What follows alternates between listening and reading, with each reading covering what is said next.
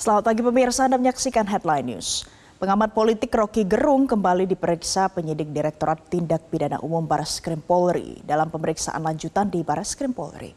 Fokus pertanyaan penyidik adalah makna dibalik penggalan kata yang diucapkan Rocky di suatu acara.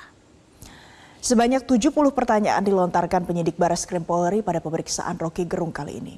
Kuasa hukum Rocky Gerung, Haris Azhar menyatakan pemeriksaan kali ini sudah masuk dalam materi perkara. Penyidik tidak lagi menanyakan latar belakang maupun riwayat hidup kliennya, melainkan memastikan apakah pernyataan Rocky melanggar pasal 14 dan pasal 15 peraturan hukum pidana terkait penyebaran berita bohong atau tidak. Merespon hal ini, Rocky dan Haris Azhar menegaskan apa yang diucapkan Rocky tidak bisa hanya dipotong dalam penggalan kata karena merupakan satu kesatuan kalimat yang tidak bisa dipisahkan.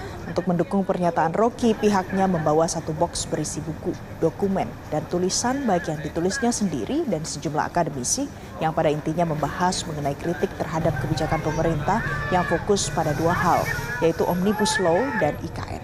Rocky, Rocky, Rocky. Semangat, Rocky.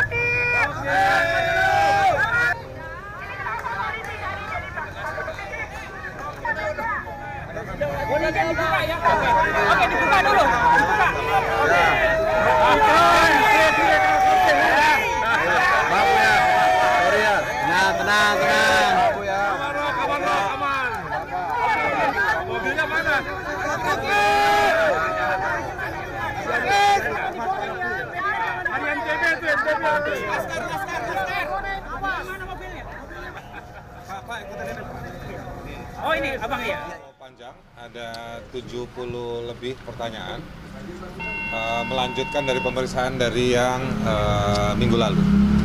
Diperiksa itu terkait soal eh, apa namanya pasal 14 15 per, apa eh, peraturan pemerintah nomor 1 tahun 46. materinya yang mana bang yang uh, diucapkan oleh uh, bang Rocky Jelajahi cara baru mendapatkan informasi. Download Metro TV Extend sekarang.